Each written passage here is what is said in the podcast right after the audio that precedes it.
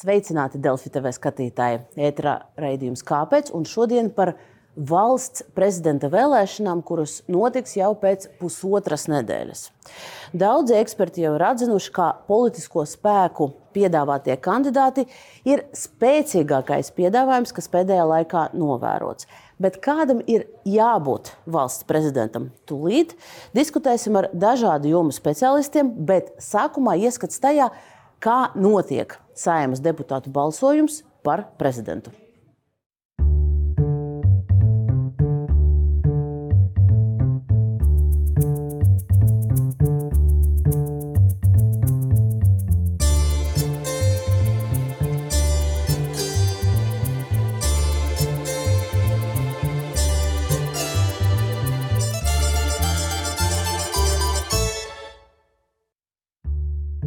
Valsts prezidenta vēlēšanas notiks 31. maijā.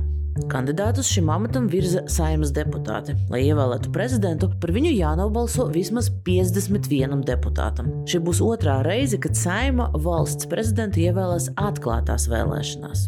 Nacionālās apvienības virzītais šā brīža valsts prezidents Egils Levits uz šo amatu atkārtoti nekandidēs. Šoreiz saima balsos par trīs kandidātiem - apvienotā saraksta virzīto Uldi Pilēnu, jaunās vienotības kandidātu Edgru Rinkēviču un progresīvo virzīto Elīnu Pinto. Prezidenta ievēlēšanas kārtība. Ja pirmajā vēlēšanu kārtā neviens saimas vairākumu atbalstu neiegūst, deputāti par tiem pašiem kandidātiem balso otrreiz. Ja arī otrajā reizē neviens netiek ievēlēts, trešajā un katrā nākamajā kārtā atsijā vienu kandidātu, kurš ieguvis vismazāk balsu. Ja arī vēlēšanu pēdējā kārtā, kad palicis tikai viens kandidāts, arī tas neiegūst 51 balsi, rīkojamas jaunas vēlēšanas. Tādā gadījumā jauni kandidāti jāizvirza piecu dienu laikā, bet jaunas vēlēšanas jārīko 10 līdz 15 dienu laikā. Un tad šodien mēs runāsim par to, kurš no trīs kandidātiem ir vispiemērotākais šim amatam, ko mēs no šī amata sagaidām, un galvenais, vai tam visam ir jebkāds sakars ar to, kā balso saimnes deputāti. Stādīšu priekšā viesus. Studijā šobrīd ir dažādi jomu eksperti. Delfi galvenais redaktors Filips Lastovskis. Labdien! Ieva Strode, socioloģija un pētījuma centra SKDS projektu direktore. Labdien! Olga Kazaka vada sabiedrisko attiecību aģentūru, pēta komunikāciju un arī ir docente Latvijas Universitātē. Sveicināti! Lelde Metla Rozentāli, politoloģe un Rīgas Stradiņa Universitātes politikas zinātnes katedras docētāja. Labdien! Studijā ir arī Andris Kudors, politologs un pētnieks. Labdien! Tātad sāksim ar pieteikto kandidātu vērtēšanu dažādās šķautnēs.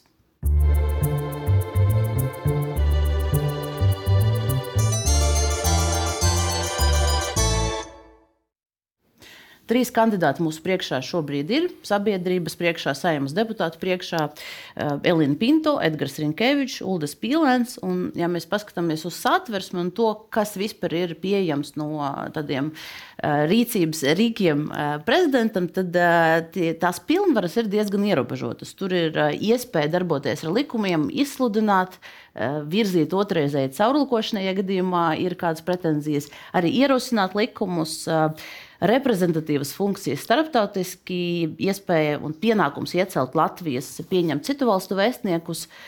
Ir arī ārkārtas rīki. Prezidentam tiesības sasaukt saimas un ministru kabineta sēdes, atlaist, rosināt saimas atlaišanu, un tad ir uh, citas, uh, iespējams, mazāk, mazāk nozīmīgas funkcijas, kā nozied, noziedznieku apžēlošana.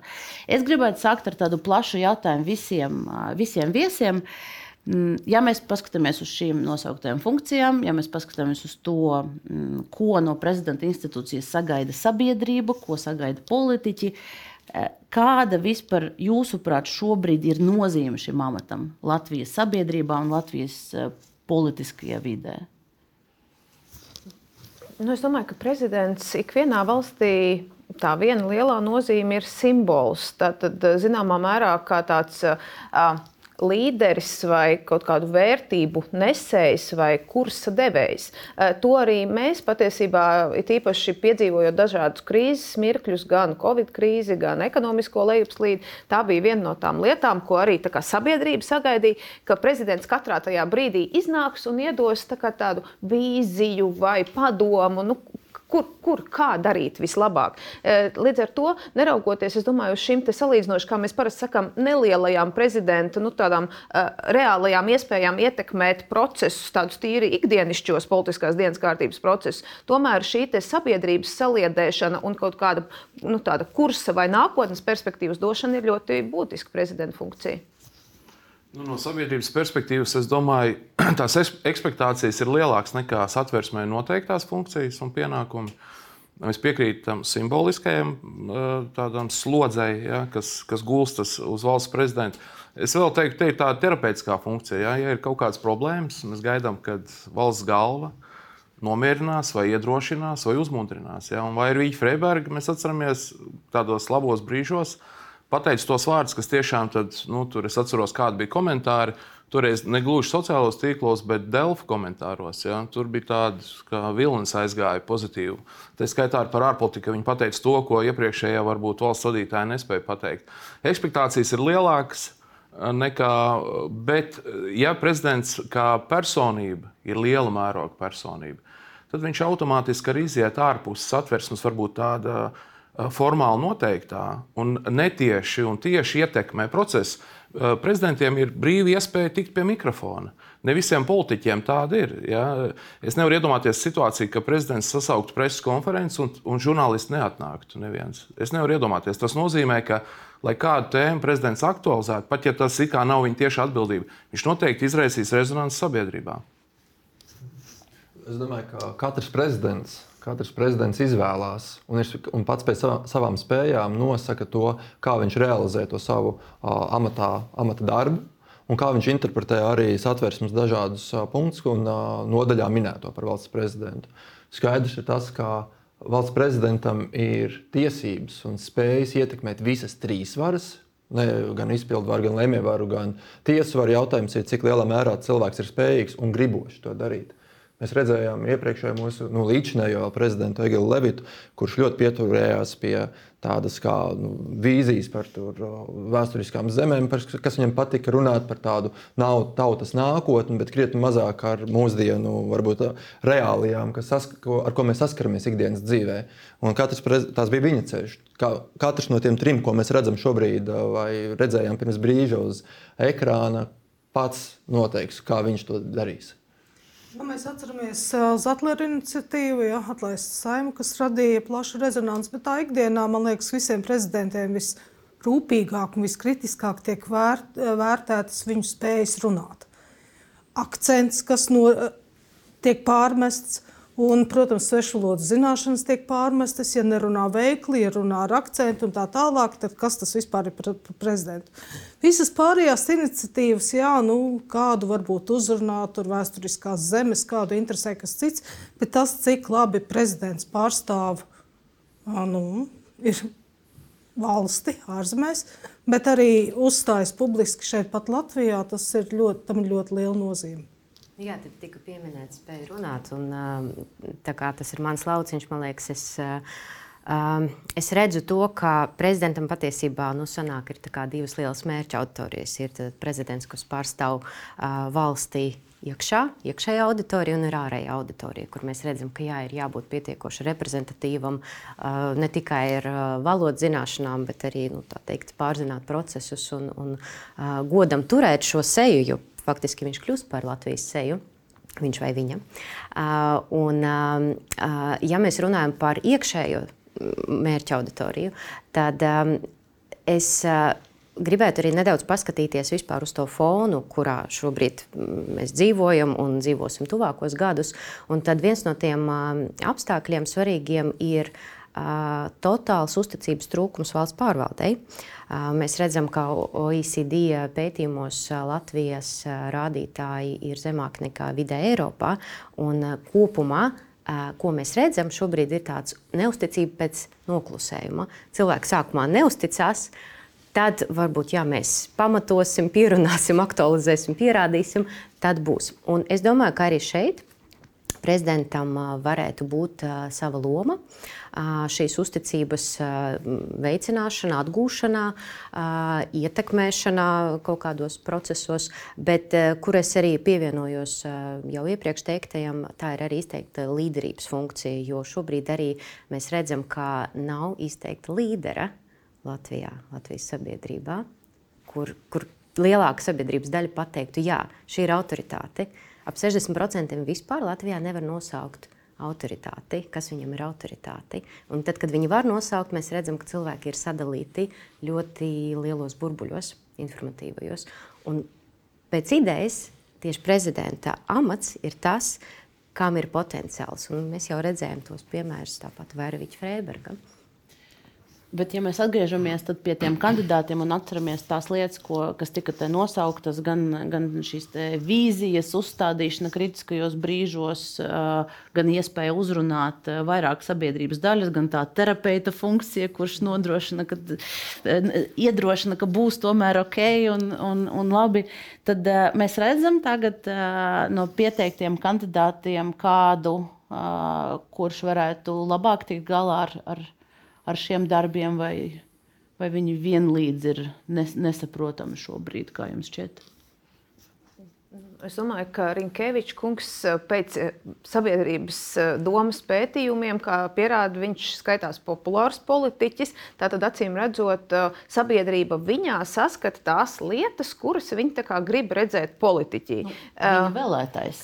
Jā, viņu vēlētais, bet patiesībā arī tie reitingi rāda ne tikai tad, kad neiet runa par vēlēšanām, bet kad iet vienkārši par, piemēram, ministriem un ministru kabinetu stāsts, tad arī tur pieslējās arī citi, kas varbūt nebalso par vienotību kustība, bet kuriem, ja jāizvēlas, kurš politiķis liekas labs, tad, tad eh, atbalsta Rinkeviču kungu kā šo pozitīvo tēlu. No tāda aspekta raugoties, mēs nu, esam notestējuši, ka viņā ir tās iezīmes, kuras es nezinu tieši nu, teiksim, līdz galam kādas, bet kas eh, sabiedrību uzrunā. Uh, ja mēs runājam par Pīlēnu kungu, viņš nenoliedzami manā skatījumā ir līderis, kā cilvēks, harizmātisks. Bet eh, mēs esam novērojuši arī to, ka mūsu sabiedrībai nepatīk pārāk pašpārliecināti, pārāk ambiciozi, laimīgi, turīgi cilvēki, jo tas sāk radīt šaubas, ka tur varbūt kaut kas nav līdz galam tīri vai ne. Un tāpēc... Līderis, bet ne pārāk pašpārliecināts. Jā, jā, apmēram tur ir tas paradoks. Un, un, un Pinto? Eh, par Pinto kundzi jāsaka, ka redzēt, ļoti liela sabiedrības daļa par viņu uzzināja tajā dienā, kad viņas vārdu paziņoja. Un jāsaka, ka pat ne tikai mm, teiksim, sabiedrība kopumā, cilvēki, kas nav saistīti ar politiku, bet arī cilvēki, kas ir saistīti ar politiskajiem procesiem. Un, eh, līdz ar to tas, protams, ir pirmais, ka to, ko mēs nepazīstam, mums tas neliekās eh, gana nu, droša izvēle, vismaz pagaidām. Nevienu no viņiem nav redzējis cilvēki nav redzējuši dziesmu svētku skatuves. Jā, jo nu, Rinkevičs ir labs savā auditorijā, viņš ir labs ārlietu ministrs, viņš ir veikls sociālajos tīklos, kur viņš uzrunā ļoti daudzus. Bet no uh, valsts prezidenta tev ir jāspēj uzstāties uz dziesmu svētku skatuves. Un uh, to, par to mēs šobrīd nezinām, jā, kā tas būs. Jā, es domāju, es, man patīk tas piemērs par dziesmu svētku skatu. Ja mēs skatāmies pēc padarītā, ja, un pēc tādas cilvēku drošības, nu, ka tagad būs profesionāls, kurš, piemēram, var pārstāvēt valsts starptautiski, protams, Edgars Rinkevičam ir liels priekšrocības. Viņš ir ārpolitikas jomā ļoti sen. Pirms tam vēl viņš ir bijis aizsardzības ministrijā strādājis un arī prezidenta aparātā ir bijis. Ja, tā tad tā viņa pieredze, protams, tas ir viņa trumpis, bet es neteiktu, ka tas ir absolūts vai ir Vīķa Freiberga, kur teicami startēja starptautiski, gan nacionālās drošības jautājumos, gan ārpolitikā. Pirms tam mēs nevarētu teikt, ka viņai bija milzīga pieredze ārpolitikā un nacionālajā drošībā. Un tomēr viņas spējas bija tādas apgūt. Ja, ir, ir, es ticu tā, ka cilvēki arī var mācīties. Un mēs, ja skatāmies pēc spējām, es teiktu, ka Pīlēna kungam ir ļoti labs potenciāls. Ja. Manuprāt, ja runā par to dziesmu svētku estrādi, Jā, tikai tur pats situācija to parādīt, bet Pīlēna kungam ir labas iespējas apvienot plašāku sabiedrību nekā Rinkeviča kungam. Es pēdējā laikā daudz komunicēju ar, ar konservatīvo sabiedrības daļu un kristīgo konservatīvo, un tur es dzirdu bažas ja, par, par Rinkeviča kungu no viņu puses viņi nejustos organiski, ka viņš pārstāv viņus. Ja, Tātad to pārstāv nevis vienkārši valsts, bet visu tautu. Pīlēna kungs tādā ziņā ir plašāks. Viņš arī mēģināja, viņš varbūt sarunāja arī to kaut kādas lietas, kas patika konservatīvajiem, jā, par to pašu Stambulas konferenci, to konvenciju. konvenciju paldies, TV3 studijā.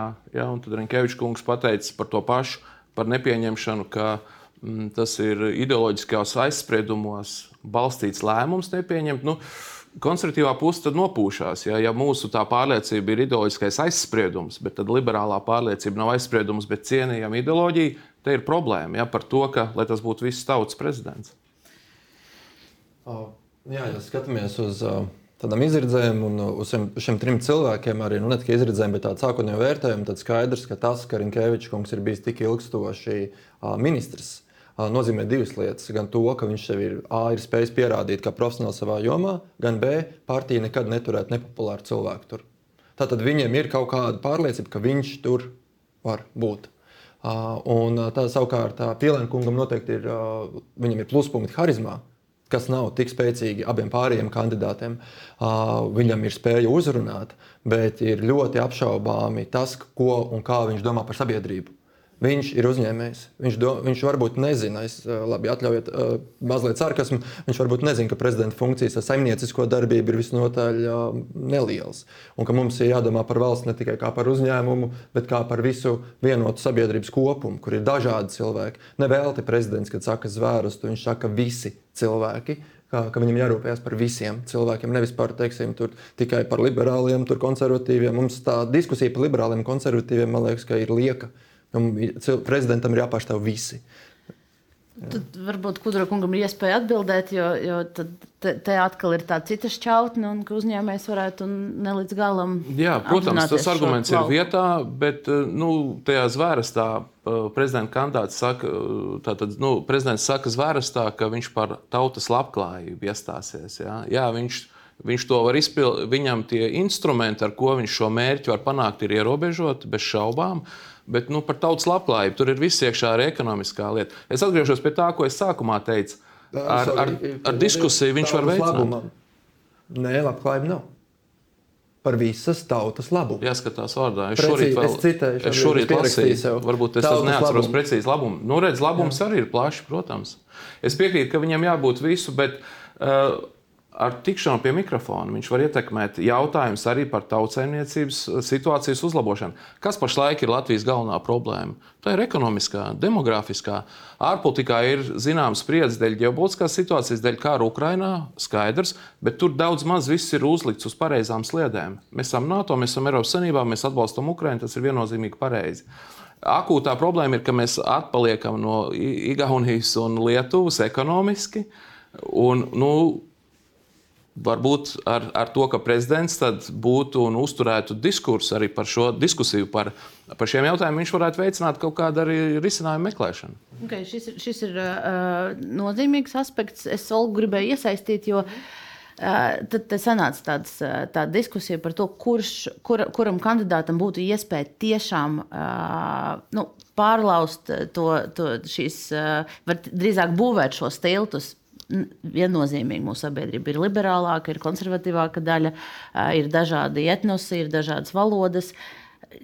Vai jūs redzat, kurš, kurš no kandidātiem šobrīd varētu ar lielāku potenciālu atrast pareizos vārdus, lai, lai būtu šis visas tautas prezidents? Jā, man liekas, ka kopumā te vispār ir interesants tāds salikums, kas mums šobrīd ir piedāvāts. Jo mēs redzam, ka mums ir tātad. Uh, pazīstams politiķis ar pieredzi politikā.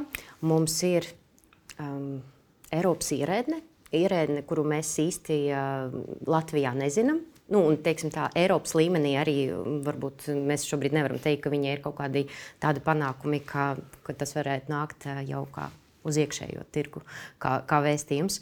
Uh, tad, un tad mums ir uzņēmējs, nu, kurš tā teikt, darītais, da, da, darīšanas cilvēks. Un, uh, No vienas puses, mēs redzam, ka tas jau ir vēstījums, un tad caur šo savu varbūt, pozicionējumu viņi var to nest tālāk. Otrām kārtām mēs redzam arī citus vēstījumus šajā visā, pat kandidātu izvēlē jau iekodētos, jo, piemēram, Elīna Punto, man liekas, viņas galvenā primārā tā, tā pozicionējumā daļa bija, ka viņa ir sieviete. Mēs gribam redzēt sievieti prezidentu. Nu, tā, tā, tā, viņu, viņu tā, viņu, tā viņu prezentē. Vispārējais nāk, nāk jau vēlāk. Uh, un tas arī ir savā ziņā vēstījums. Mēs esam, cik mēs esam uh, teikt, uz Eiropas vērtībām orientēti un, un tā tālāk. Uh, no otras puses, ja mēs paskatāmies vienotības kandidātu, tad faktiski tur, tur tas vēstījums tiešā vai netiešā veidā arī varētu iekodēts būt. Līdz ar to tas faktiski ir ne tikai jau par to, ko paši kandidāti runās ar sabiedrību, bet arī, nu, ko mēs caur šiem kandidātiem pateiksim gan sabiedrībai kopumā, vai to sabiedrību varētu nolasīt, gan, gan citas valstis. Ja mēs runājam no viņu diskursu. Es domāju, ka tiešām es absolūti piekrītu, ka tā laikam ir tas, laikam ir tas lielākais spēks, ar kuru var strādāt prezidents, ir ietekmēt procesus caur to, ka viņš aktualizē tos jautājumus, ka viņš norāda uz svarīgām lietām. Tad, tad patiesībā nu, šobrīd laikam no, no tiem kandidātiem, ku, kuri jau ir, viņi visi vairāk vai mazāk jau ir runājuši par šo tēmu, tad Man liekas, vēl ir grūti noteikt, ka viņiem katram no viņiem būtu jau kaut kāds konkrēts, ot, vienā frāzē iekodēts, ot, ko tad es, kā es panākšu to saliedētību. To es vēl neesmu nolasījusi. Bet šobrīd es vairāk to redzu, man liekas, tieši caur to viņu pozicionējumu. Ka ot, es kā darītājs, es kā politiķis, kas saprot ārlietās, vai es kā sieviete, aktīviste. Es šobrīd to vairāk redzu no šāda aspekta. Bet skaidrs, ka auditorija tomēr vairāk grib saskatīt sevi tajos vēstījumos. Tas varbūt šobrīd vēl pat pietrūkst. Tad, viņ, tad katram teorētiski būtu jāpiestrādā, kā savā tēlā iekļaut uh, plašāku kaut kādu to tverumu no sabiedrības. Tā gan plašāku, gan varbūt nu, kaut kādu tādu konkrētāku. Mm. Vēl ir dienas kārtība galu galā. Karš Ukrainā ļoti daudz ko nosaka. Ja? Tad arī salīdzinās pēc tā, ko prezidentam kādās diskusijās un par ko viņam būs jāiesaistās. Arī tas ir jāņem vērā. Ja? Nu, labi, tas neietekmē to, ko nākamnedēļ ievēlēs vai neievēlēs. Ja, bet tam varētu būt eh, viens, tas varētu būt viens no prezidenta tādiem uzdevumiem, kur viņam, kas viņam būs, tam vai citam prezidentam būs jāveic. Un tur mēs arī redzam, ja iekšpolitiski prezidentu Levitu ļoti daudz kritizēja, gan arī par viņa spēju vai nespēju saprast iedzīvotāju konkrētās te, šī brīža gaidas un, un novirzīties no savas iepriekš noteiktas dienas kārtības, bet ārpolitiski arī kritiķi redz, ka viņš tiešām ir performējis kara laikā diezgan spēcīgi, gan, brau, gan brauc uz Kievu, gan runāja par tribunālu nepieciešamību Eiropas parlamentu priekšā. Te tiešām tam nākamajam prezidentam ir tā latiņa diezgan augsta, vai ne? Es gribētu vēl piebilst, ka jā, ir taisnība, bet ar piebildi uz kā fona mēs to skatāmies. Jau iepriekšējie divi prezidenti uh, ir šo latiņu nolaiduši ļoti zemu. Mēs šeit, šajā gadījumā mēs runājam gan par Andriu Bērziņu, gan par Raimonu Vējoni. Viņi startautiski bija krietni ar, vāji, vāji reāli. Kaut arī mēs paklausāmies tās pašas ANO ģenerālās asamblejas runas, vai par to, kā viņi pozicionē televīzijas, ir ar pakāpēm augstāks. Bet vienlaikus tas viņa pozicionējums publiskais, ko mēs vismaz varam atrast publiskajā telpā, tur nav arī nekas tāds nu, izcils. Tā, viņš būtu tāds, run, tāds runas vīrs, kurā visi ieklausītos un ar kuru būtu, nu, vai daļa ieklausītos kaut kādā mūsu reģionā. Bet viņš ir izpildījis tos dažus punktus, kas ir ārkārtīgi svarīgi par šo hāgu, kas ir to vajadzēja izdarīt. Viņš to izdarīja, un Kijevu, un viņš aizbrauca uz Kijevu, un tas ir izdarīts. Tie, tie ekspektācijas es domāju, ļoti augsts un objektīvi. Tas ir valsts galva un ir ļoti grūti atrast tādu universālo kareivi, ja, kas gan iekš, aizbraucot kaut kur uz, uz laukiem, spētu parunāt ar cilvēkiem, ja, tur kaut kur kartupeļu vagā. Gan doties uz Briseli ja, vai uz Vašingtonu, un tur arī labi pārstāvēt valsti. Ir grūti vispār atrast tādas personības. Ja. Tāpēc tas uzdevums ir objektīvi grūts. Patikt visiem ir neiespējami. Uh, dabiski, ka cilvēkiem jau tiem, kas ir sevišķi tādā vecumā, kad viņi kandidē par prezidentu, viņiem jau ir kaut kādas vērtības nostiprinājušās, un ja tev ir savas vērtības nostiprinājušās, automātiski tu kādam nepatiks, jo tev viņas ir. Jā, var, var censties patikt tas, kuram nav nekādas pārliecības, viņš var izdabāt. Un tāpēc uzdevums ir ļoti grūts. Startautiski, jā, parasti jau, ja, ja pirmo reizi ierauga citas valsts galvu, tie, kas viņu sagaida, lasa viņa CV. Viņi iedziļinās, ko viņš arī pirms tam darījis. Vai arī Vitija Freibergai bija izcili. Ja? Viņa cilvēks saprot, tā ir doktora, ir zinātniece runā valodās, ir, ir, ir arī ar vēsturisku tādu storiju, ja, tādu human story, jeb tādu dzīves stāstu, kas ir saistīts ar okupāciju, ar trimdus latviešiem. Levitam arī bija labas priekšrocības šajā ziņā. Ja? Šis tiesneša karjeras, starptautiski, nu, viņu uzreiz jau uh, automātiski respektē, pirms viņš pat ir satikts. Ja? Tādā ziņā tas, tas personības, eh, nu, mums jāmeklē, protams, pēc iespējas tāds, kurš ir spilgta personība. Bet es vienkārši uzsveru, nu, mums jābūt uzmanīgiem, lai mēs te pārāk nenoknābātu. Man patīk ASV, kad viņiem ievēl to prezidentu. Viņi dod šo, tas man patīk par to uzticību. Ja? Tur sākotnēji ir liela uzticība. Pat eh, ja viņi pirms, pirms vēlēšanām kritizēja pretējā pusē, teiksim, tie demokrāti vai republikāņi, tad pēc ievēlēšanas visi apvienojas un saka, šis ir mūsu prezidents. Es domāju, nu, Latviešiem varbūt nevienmēr tas tā izdodas, bet Trumpa kungs gan tur pamainīja mazliet to situāciju. Trumpa teikt. kungs ir atsevišķs stāsts. bet, bet, ja mēs, jums bija komentārs. Jā, nu, man liekas, ka nedrīkst aizmirst, ka patiesībā jau prezidentam ir jābūt arī, es neteiktu, ka konformistam, bet ļoti lielam diplomātam.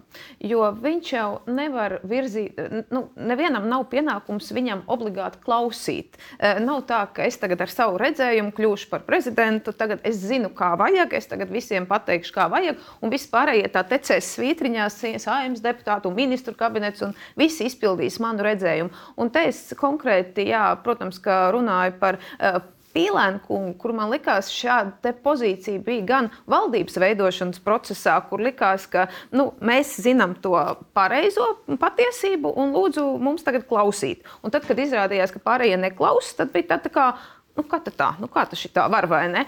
Un man ir nedaudz tāda bažas, kā arī šeit prezidenta postenī ir tas redzējums, ka tagad es visiem pārējiem pateikšu to pareizo modeli, kā būs dzīvot. Bet tā jau tas nenotiek politikā. Politikā tā ir diplomātija, kurā mēs atrodam to nu, vidusceļu, kā, jo patiesībā ļoti pareizi jau arī jūs iepriekš teicāt, kas ir satversmē teikts, ka prezidents ir uh, visas tautas prezidents, un uh, līdz ar to viņam ir jāsaprot, ka drīkst domāt arī citādāk, uh, ne tikai tā kā es. Kamēr mēs pie Pilāna kunga personības uh, esam, Kā jūs vērtējat viņa publisko šo vēstījumu, ka viņš ir iesaistījies politikā, sākoties karam, un ka karš tieši viņu ir pamudinājis nolikt savu uzņēmējdarbību malā un, tad, un nākt tālāk ar savām idejām Latvijas labā? Vai, vai jūs noticat tam vēstījumam, vai, vai ne līdz galam?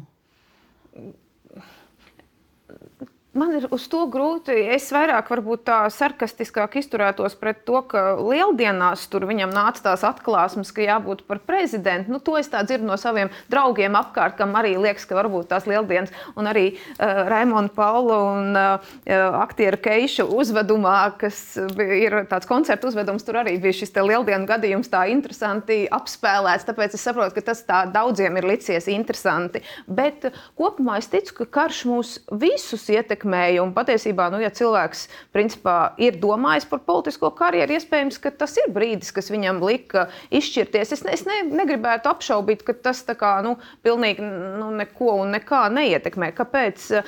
Bet man liekas, ka, um, nu, ka vispār varbūt vajadzētu tā atteikties no tik ļoti tādiem eksaltētiem tādiem nu, paziņojumiem par, par kaut kādu sadzirdēšanu vai mudinājumu no augšas vai kaut kā. Nu, ka tomēr politiķim vairāk jābūt tādam racionāli piezemētam, jo citādi nu, tas kaut kādās sabiedrības grupās varbūt izsauc smaidu. Bet tas cilvēkiem patīk, un tas tieši sasaistās ar to, ko jūs minējāt par uzticēšanos. Bet... Cilvēkiem neusticās, un līdz ar to, tad, kad es pasaku, ka es esmu izdomājis, ka tomēr darīšu, ka es iešu, ka jū, es jums palīdzēšu, es upurēju kaut ko. Es kaut ko upurēju, jo es zinu, ka tur būs netīra spēle. Man tur mēdījos izvazās, un koalīcijas un opozīcijas teiks sliktas lietas, bet es tomēr jūs labā eju.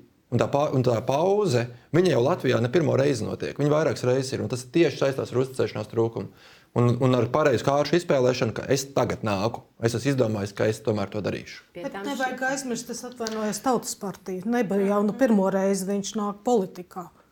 Ja, un, un līdz ar to ir, ja jūs skatāties, kā viņš darbojas, kā politiķis, nu, te ir iespēja pavērtēt, kā viņš darbojas kā politiķis. Ja? Jo viņš nebija pats mazākais, tur, nu, pilnīgais nekas jau.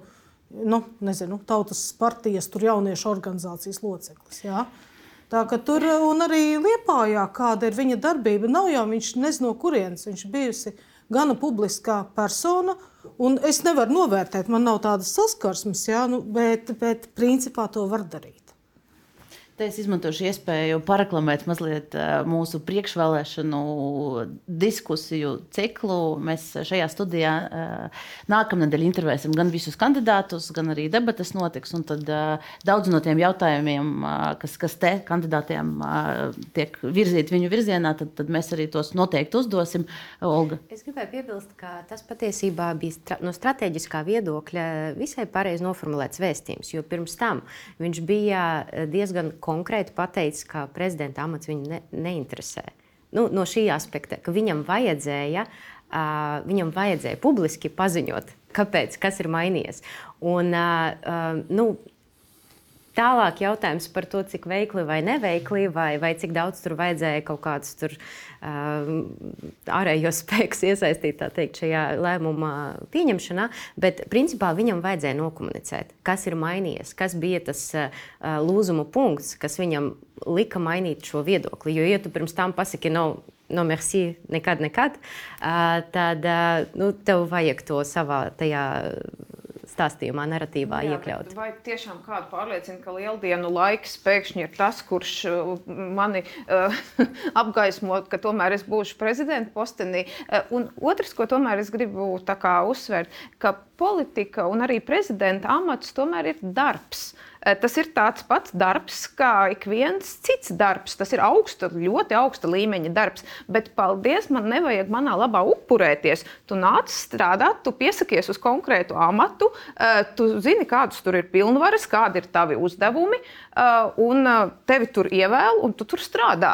Tā nav ne misija, ne upuris. Tas ir tas, kas kompensē to, ko mēs runājam. Mūsu kultūrā ir iekodēta mm -hmm. izdzīvošanas tāda, nezinu, nu, notis vai melodija.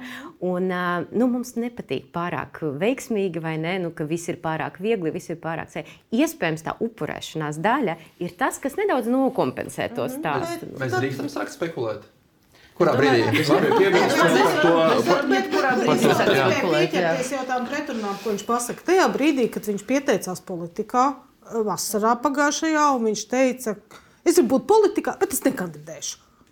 Un es negribu būt arī premjerministrs. Ah, un es negribu būt arī prezidents. Un tad, bet, atvainojiet, bet ko jūs gribat?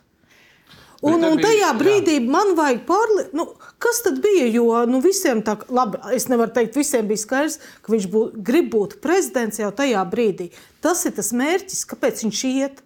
Un kāpēc to tā kā slēpa? Kāpēc to tā kā noliedza? Jā, domāju, jo, jā, jo tas man ir nesaprotami. Koķetērija, es domāju, manuprāt, arī jā, bija lieka. Un, bet uh, es, es viņu uztveru kā apvienotā saraksta kopējā uznāciena svarīgu sastāvdaļu. Bija skaidrs, ka nu, domāju, bija daudziem skaidrs, ka viņš vēlas kļūt par valsts prezidentu. Tāpēc viņš tur negandidē un tam līdzīgi. Bet uh, kāda bija apvienotā saraksta viena no idejām? Uh, jaunā vienotība daļai sabiedrības asociējas ar stagnāciju. Viņi nāk kā reformatori. Vēl viņi sev pieteica, ko viņi kampaņā ļoti bieži izmantoja, ka viņi ir krīzes menedžeri. Tur bija krīze, krīze, krīze, un viņi ir jāpārvar. Es domāju, šis ir viņa galvenais uznāciens. Viņš vienkārši viņu korģēja, varbūt tagad, šur tur, un to pateic, jau vajadzēja sasaistīt ar laiku. Nu, te ir arī, es domāju, ir kaut kāds, te parādās tā pieredze, nepieredze politiskajā komunikācijā. Ja? Bet, uh, Man tas netraucē. Es viņu joprojām skatos kā tādu, es noticu kuram vēstījumam no Pielēnkunga par to, ka viņš grib uzlabot tautsājumniecībā situāciju. To, to, es domāju, to, to, to viņam, sapratām. Jā. Jā, jā, es, es jūs pārtraukšu, jo mēs tiešām ļoti daudz laika veltījām vienam kandidātam, un kaut vai mūsu skatītāji paši nebalsos, būtu tā balansa, balansa laba, godīgi apspriest arī, arī pārējos tikpat daudz. Un, un, Par kandidā, kandidēšanas to motivāciju jautājumu uzdodam arī Rinkeviča kungam, jo nu, es nezinu, nezinu, vai, vai klātesošie, bet uh, man šķiet tā, tāda degsme. Uh, no viņa puses šajā, šajās pēdējās dienās pagaidām vēl nav pamanāma. Viņš tā rāmi piekrīt, ka jā, labi, es, es, es varu, es, es iešu, būšu ok, es esmu pieredzējis, bet vai, tā, vai tas ir tikai mans novērojums, vai arī klātesošiem šķiet? Tas vienkārši ir Rinkevičs. Kur, kad jūs atceraties, varbūt, kurš no jums ir veiksmīgs šajā politiķī? Viņš ir profesionāls, diplomātisks, rāms, nosvērts, mierīgs, bet deksmi. Vai viņš grib? Grib būt par prezidentu, vai mēs redzam, redzam to Šis gatavību? Tas ir jautājums, ja, jo tā deksme, es atceros, mums universitātē, es nesaukšu vārdā, bija viens latviešu politehnologs atnācis un uh, runāja ar studentiem. Ja. Un viņš tieši šo akcentēja, ka tam politiķim, lai viņš aizrautu lielu sabiedrības daļu, viņam jābūt, viņam jārāda, ka viņš grib, viņš vēlas. Viņam ir ko teikt, viņš vēlas kaut ko sasniegt. Ja? Un šīs deksmes, protams, pietrūkst. Es piekrītu, ja, ka jau, mēs jau nevaram prasīt, lai cilvēki kaut kā savu personību izmaina. Nu, katram ir savas kaut kādas īpašības, bet šis kopumā ir mīnus, jā, jo plaša sabiedrība grūti aizraut ar to. Mēs tiešām runājam par labu ārlietu ministru, jā, bet prezidents nav tikai labs ārlietu ministrs. Bet, eh, jā, kad mēs domājam par tādu latviešu mentalitāti vidējo, eh, tad mēs neesam izteikti deksmīgi. Un deksmīgi cilvēki mūs pat dažkārt atbaida un pārsteidz. Un mums liekas, ka viņiem kaut kas nav kārtībā, nomierinies tagad un runā mierīgāk. Un, viens solis no naida līdz mīlestībai, jā, otrādi pretī. Jā. Jā, es... Jo nu, tātad, ja viņš kā, kā ārlietu ministrs ir ļoti labi, kā jau es teicu, atzīts sabiedrībā, un deksmes tur tādas ļoti izteiktas nav. Ir visu laiku diplomātija. Tātad mums tas patīk. Šādi tāda diplomātiskā attieksme. E, ko es gribu teikt? Es domāju, ka Rinkevičs kungs arī pats nebija gatavojies šim prezidenta postenim. Bet tajā brīdī, kad tās kārtas tā salikās, ka bija skaidrs, ka Pīlēna kungam ir jāliek pretīm nu, kaut kas spēcīgs, jo, lai ko mēs tur teiktu un apšaubītu Pīlēnu kungu, nu, viņš ir jaudīgs kandidāts, protams, jaudīgs. Un vienkārši izvirzot kaut kādu vienu misteru X, nu, tas būs nu, vēl sliktāk nekā Levita kunga vai ne tas uh, salīdzinošais aspekts. Tāpēc skaidrs, ka bija jāizdomā tāds gājiens ar, ar, ar karali. Nu, tad vienotība arī to izdomāja. Un Rinkēvičs kungs, nu, protams, ka es domāju, tādas politiskās karjeras uh, kontekstā, nu, galbeigās jā, piekrīt šai, šai, šim gājienam. Tā ir runa par veiksmu. Arī Rinkēvičs kungs ļoti labi uh, īstenoja ārpolitiku. Uh, kara laikā, ja, spriedzes laikā. Viņš nesamulsa, ja, viņš droši uzrunāja Krieviju, bet tā ir zināma veida veiksme. Ja, ja tur es redzu arī daudz citus ārlietu ministrus, eh, citus, citas personības, kas tajā laikā būtu ārlietu ministri, viņi varbūt būtu vēl populārāki palikuši. Ja? Bet par veiksmi jau nesot, tas nav noziegums. Ja? Trāpīties īstajā vietā, īstajā brīdī. Eh, es vienkārši domāju, ka harizms jau izskanēja, ka Pīlēna kungam harizms ir vairāk. Uh, Jā, te ir tādā, uz svariem ir pieredze profesionālismas ārlietās un nacionālās drošības jautājumos, pretī ir harizma un cilvēku cerības, ka ekonomiskā stagnācija mazināsies, jā, ka viņš tomēr kaut ko izdarīs. Mēs jau varam spriest, tad, kas ir rakstīts atversmē, bet būs grūti aiziet un katram. Kudrukungs, es, es, atveries, es par, mēs, mēs, mēs, jā, man liekas, paldies. mēs, jūsu vēstījums par, par, par jā. ekonomiku un, un, un šo konkrēto kandidātu, to, to mēs, mēs nolasījām. Bet uh, mēs nolēmām, uh, mēs jau aizgājām uh, par, uz, uz šo politisko aspektu, tad attiecīgi varam arī turpināt uh, diskusiju šajā virzienā, jo apsp šīs apspriestās kvalitātes ir, protams, viens aspekts, bet uh, deputātu balsojums ir kaut kas uh, saistīts bet uh, iespējams, ka tikai daļēji saistīts. Uh, klāt nāk arī iespējams uh, diezgan jau konkretizējušās runas par, par nākamo koalīciju un valdības stabilitāti. Tad tūlīt arī par to diskutēsim.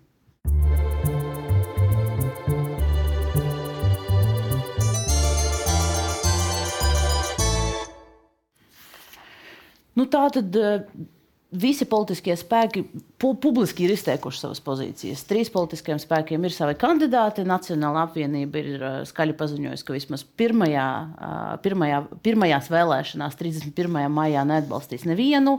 Zaļo un Zemnieku savienība ļoti atklāti visās iespējamās platformās paziņo, ka viņi ir gatavi piedāvājumiem un gaida.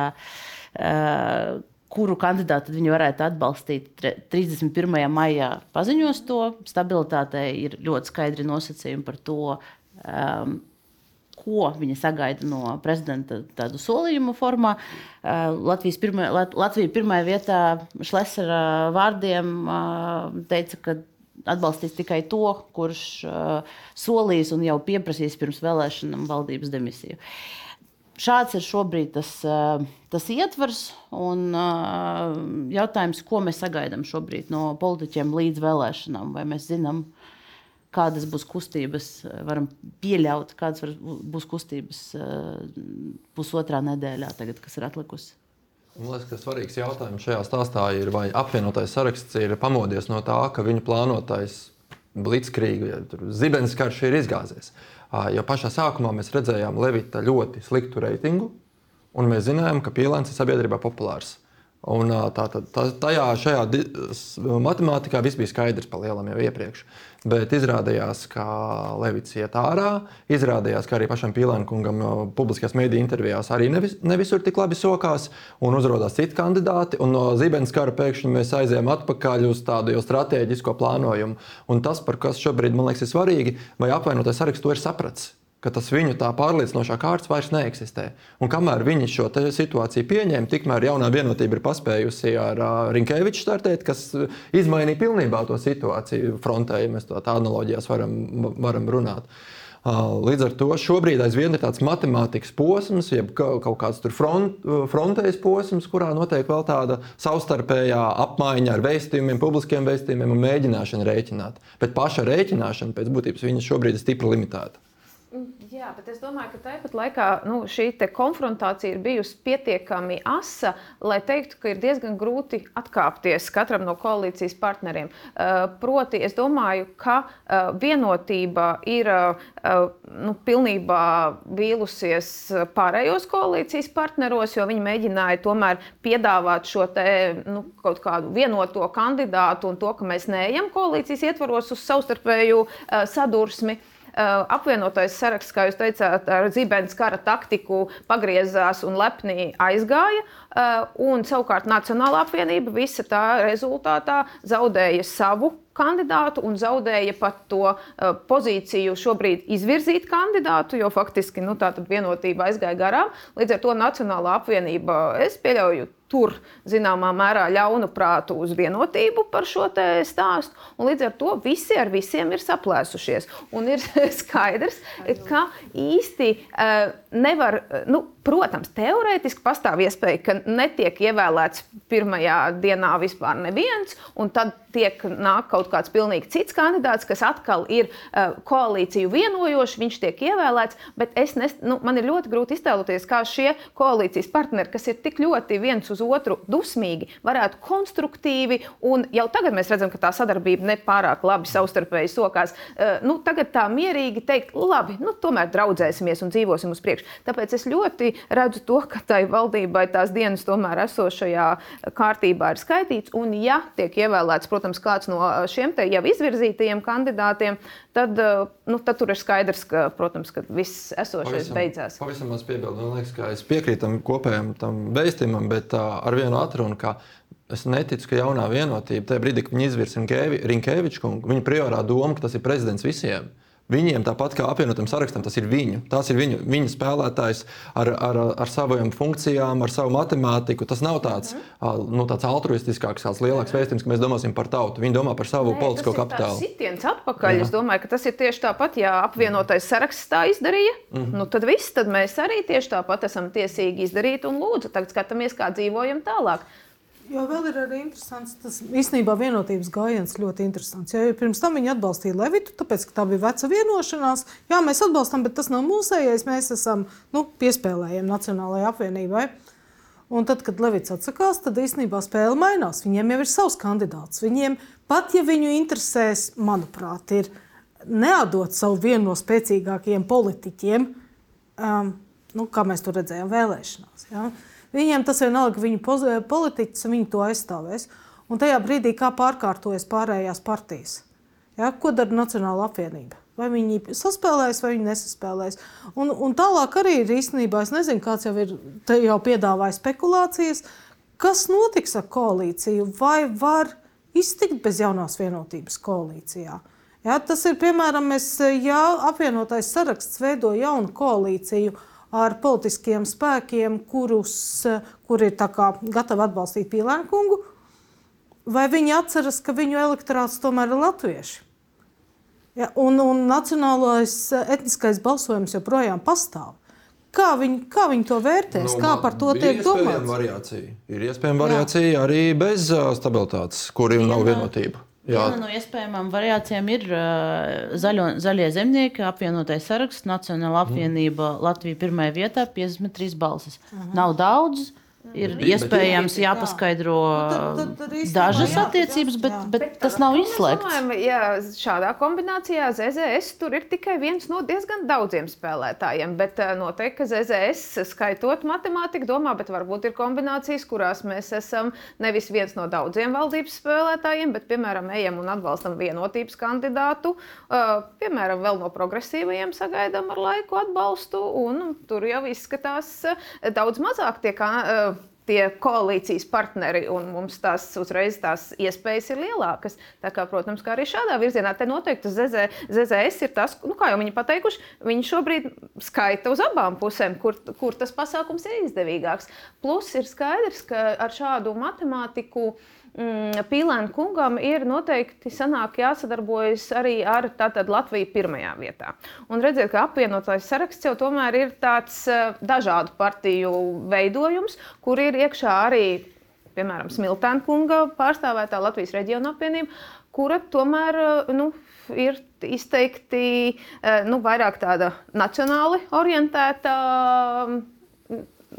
orientēta partija, un tur varētu būt sarežģīti līdz galam, piemēram, viņu elektorātam un viņiem pašiem pieņemt to, ka viņiem ir ar Šleserkungu tā tā sadarbība jāveido. Ja mēs atgriežamies pie, pie šīs kombinācijas ar jauno vienotību, progresīviem un ZZS, kas šobrīd pilnīgi tas pat nav vairs kuluāru jautājums. Šorīt Ināra Mūrniece, Nacionālās apvienības spilgta politiķa un, un aizsardzības ministri ļoti skaidri pateica, ka šis ir tas, ko ko viņi redz kā iespējamo scenāriju. Aicināja tā nedarīt. Uh, bet jautājums ir, uh, ja, ja šis ir teorētiskais scenārijs, tad, tad uh, nu, jautājums ir gan par jauno vienotību, gan par tās elektorātu, jo atceramies priekšvēlēšanu laiku. Okay, tas, protams, jau bija pirms miljonus gadiem, skatoties no šodienas, bet, bet nu, turpat Kariņa kungs atteicās nākt uz debatēm, stāvēt blakus un debatēt ar Lemberga kungu. Tur ir šis Lemberga faktors. Uh, vai jaunā vienotība spēs, ja viņi to plāno, vai viņi spēs tagad paskaidrot, kāpēc mēs tagad mēģinam šo. Jā, te katrā ziņā elastīgums ir lielāks nekā tad, kad pie vāras bija konstruktīvie, un kad tad notika sarunas. Viņi bija spilgtākas sarkanās līnijas novilkuši, un runa bija par, par nesadarbošanos ar ZZS. Pārējām partijām, lai cik viņi būtu runājuši, viņi nav tik radikāli novilkuši līnijas, kā tiešām pilnīgi nepārkāpjams. Līdz ar to atkal ir radusies situācija, ka par ZZS vispār runā kā par iespējamu koalīcijas uh, dalībnieku.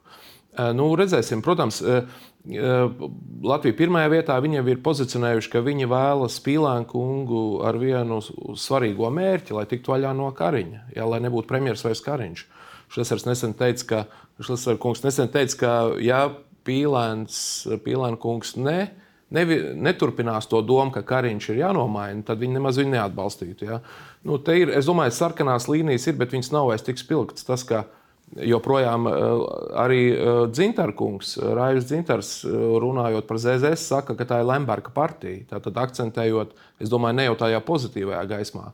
Joprojām ir sarkanās līnijas, bet viņas nav tik spilgtas kā bija koncertiem. Līdz ar to es pat te grūti prognozēt, te ir visādi varianti iespējami. Tā skaitā, ka būs nevis kāds no šiem trim, bet kāds ceturtais. Šajā, šajā punktā man ir jāatvadās no RTV skatītājiem, jo RTV ētrā mūsu laiks ir uh, ierobežots ar 48 minūtēm. Paldies RTV skatītājiem! Mēs vēl diskutēsim studijā, un tad atlikušo raidījumu daļu varēsiet uh, noskatīties uh, Delphi arhīvā vai arī podkastos noklausīties Apple un Spotify platformās vēl versijas par eh, ZZS eh, progresīvie jauno vienotību un to, kā to, vai to spēs nopardot eh, vēlētājiem, ja tas būs nepieciešams? Es šajā kontekstā atkal no savas skatu punkta. Ko gribētu akcentēt, kas man liekas, ir ārkārtīgi svarīgi atkal kontekstā ar to uzticību, kuru, kura ir resurss, kuru, kuru, kuru deficītā. Uh, Mēs uzticamies tiem, kuru rīcībā mēs saskatām rūpes par mūsu interesēm. Un, man liekas, šajā visā uh, interesantā trillerī, kas tagad izvērtīsies līdz 31. maijam, vismaz, uh, būtu svarīgi, lai visi dalībnieki atcerētos šo formulu un lai uh, cilvēki, sabiedrība nolasītu, ka nu, tas viss notiek tieši sabiedrības interesēs, nevis uh, kā tur mums saglabāt savus krēslus, ne krēslus ietekmi vai tā tālāk. Tas ir ārkārtīgi svarīgi, vai mēs to redzēsim. Jā, bet, nu, protams, ka politika vienmēr ir. Mm, nu, tā, tur ir jāatcerās, ka viņa nav tikai altruistisks pasākums sabiedrības interesēs. Politika, tāpat kā uzņēmēja darbība, arī ir nu, zināma vienošanās un zināmas teiksim, dažādas apmaiņas darījumi un attiecības, un, un nevis tikai kaut kādi ideāli. Bet, ko es gribēju teikt, es novēroju tādu nelielu paradoksu. Atceramies, tad, kad Pīlēna kungam sākumā atbalstu tā pārliecinoši solīšu Lesers un arī stabilitātei, tad viņš teica, ka visas partijas ir vienādas, visi deputāti ir vienādi, mēs viņus nešķirojam. Tas vispār nav, neies, nav runa par to. Un, un tagad, kad ir Rinkevičs, kuram to atbalstu, piemēram, teorētiski, piemēram, sola zaļie un zemnieki vai, vai progresīvie, tad mēs no, Latvijas, no, no, no apvienotā saraksta dzirdam tādas partijas ir nepieņemama, ka viņas atbalsta prezidenta kandidātu. Un te man liekas, ai, ai, ai, ai, kāda mums tāda dubulta morāla bišķiņa tur tajā pasākumā parādās. Nu, ja katrā gadījumā mēs piemērojam, tad, kad mēs esam tajā situācijā, tad ir viena standarta, kad ir otra, tad mums citi standarti parādās. Bet, bet, ja mēs turpinām līdz, līdz valdības stabilitātei, tad uh, ir izredzes saglabāt šo valdību. Jā. Pie, pie, Tā, pie... Nu, mēs varam palikt noteikti pie tās pašas. Mēs tajā kauliņā var sakrist tik daudz dažādās variācijās pašlaik, un viss, ko mēs zinām, ir vai nu publiskas spekulācijas. Mēs arī nezinām, ko Mūrnietis kundze domāja no rīta, paziņojot šo tekstu. Vai tas ir viņas īsts novērojums, viņa partijā par to runā. Varbūt tā ir apzināts vēstījums citai partijai, lai viņi dzird, ka viņa, ko viņa domā vai nedomā, un ko viņa pēc tam grib atprasīt, pārprasīt, izsaukt uz sarkanā paklājuma un tam līdzīgi. Tā kā tas viss vēl var sagriezties dažādās variācijās, un viena no tām noteikti ir arī, ka var palikt. Nu, tas ir tad, ja nāk kāds pilnīgi cits prezidenta amata kandidāts pie esošajiem kandidātiem, jau nevar palikt. Piebilst to, ka pa, arī Levita paziņojumā viņš saka, ka viņš nekandidēs 31. maijā. Jā, bet nav skaidrs, kas par viņu balsotu, kā tās balsis var savākt. Jo apvienotais saraksts ir pilnīgi noteikti pateicis, ka Levits nekādīgi viņu izpratnē neka, ne, nav Jā. ievēlams kā prezidents. Un tad tur īsti. Es tam piekrītu līdz šim mm. brīdim, kad Nacionāla apvienība ne, nav izteikusi atbalstu Rinkevičam šobrīd.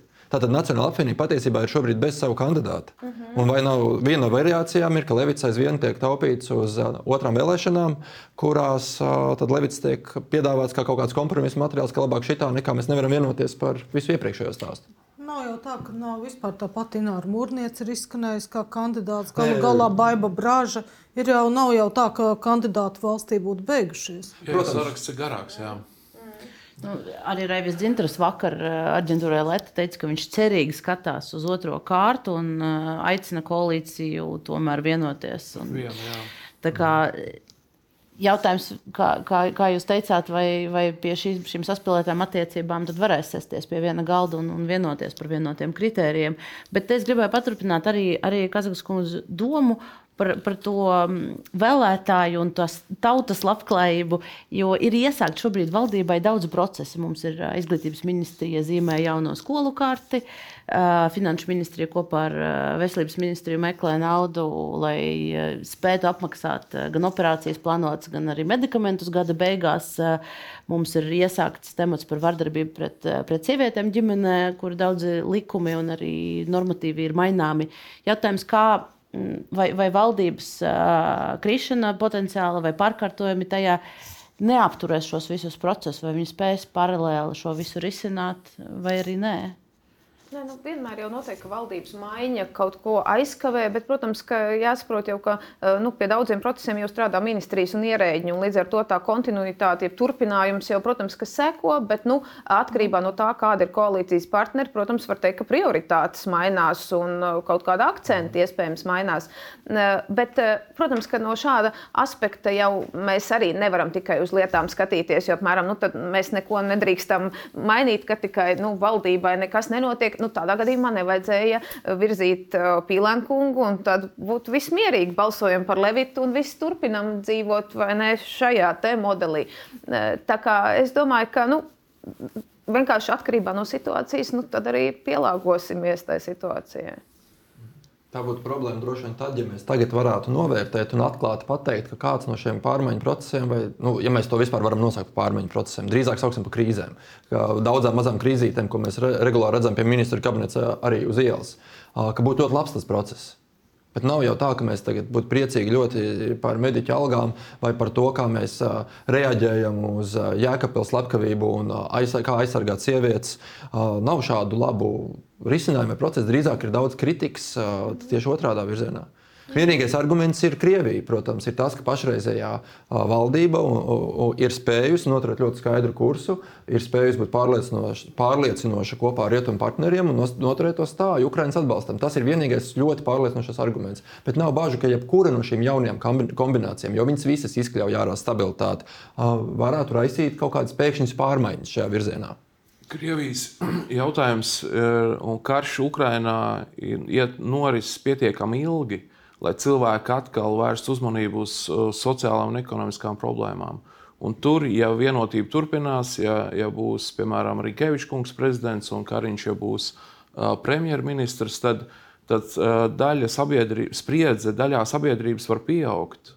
Jo ņemot vērā tos skaitļus, kad ekonomiski tad, tad Latvija atpaliek no Igaunijas un no Lietuvas, sprie, teiksim, tā Krievija uh, ar, ar, ar kā lielais troublemaker, ja, kā tas, kurš visu laiku uztur problēmas, uzmanību uz viņiem bija un pamatot un jāsaglabā.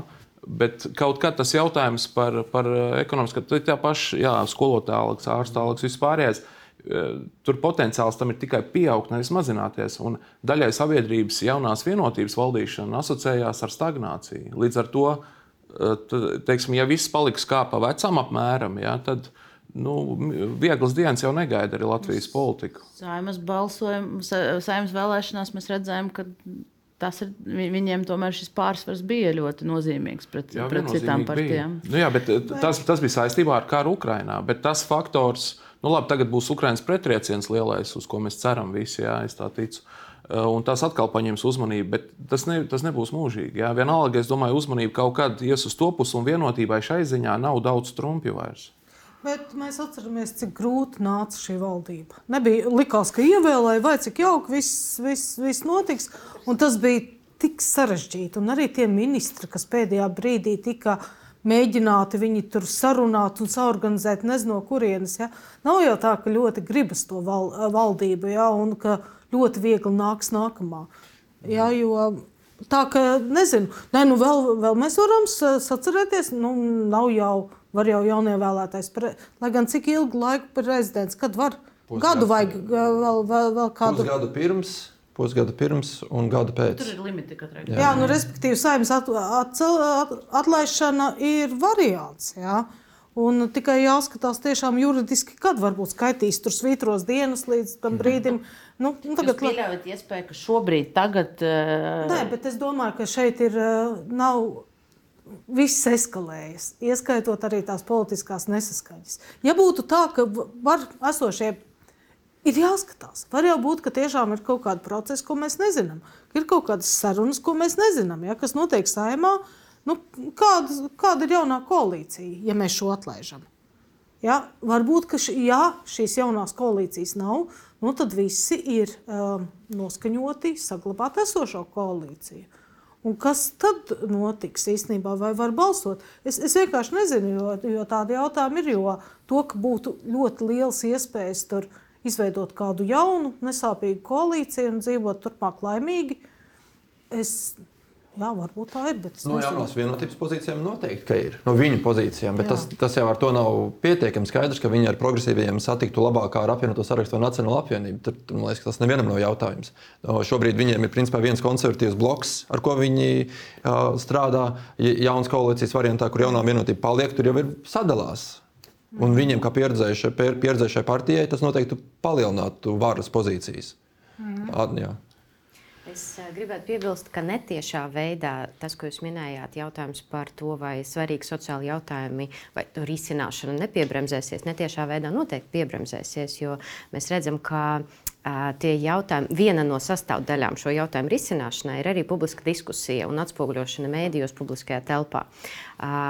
Jo kas ir fokusā, tas ir svarīgi. Un tad, tad mēs redzam, ka tās lietas arī risinās veiksmīgāk. Un, protams, ka jo vairāk šī publiskā telpa būs aizņemta ar diskusijām. Tā ir skaitā, kā mēs šobrīd diskutējam, un cik daudz reizes mums vēl vajadzēs sanākt. Uh, jo vairāk mēs diskusēsim par šo jautājumu, jo vairāk mēs to uzmanību, uzmanība ir vēl viens uh, deficītā esošs resurs.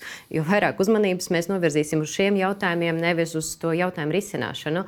Uh, bet, bet Tā, tas, ir, tas ir tās fakts, ko mēs redzējām jau vienā ilustrācijā tajā dienā, kad Levita kungs paziņoja par to, ka viņš nekandidēs. Visa uzmanība bija viņam. Un tad mediķi, man liekas, tajā dienā streikoja. Viņi bija ļoti apvainojušies. Viņi tā arī teica. Viņš nozaga mūsu zvaigžņu stundu.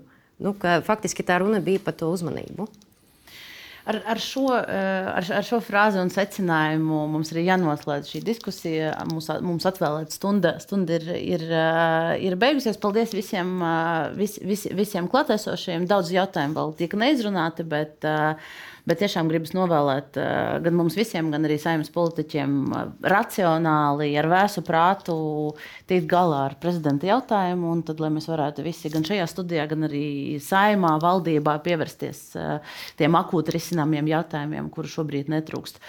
Paldies vēlreiz visiem viesiem, paldies uh, skatītājiem. Atgādināšu, ka mēs esam klausām arī podkastu platformās, Apple un Spotify. Uh, Tur arī būs pieejami visi raidījumi, kas attiecas uz prezidenta vēlēšanām. Tiekamies pēc nedēļas.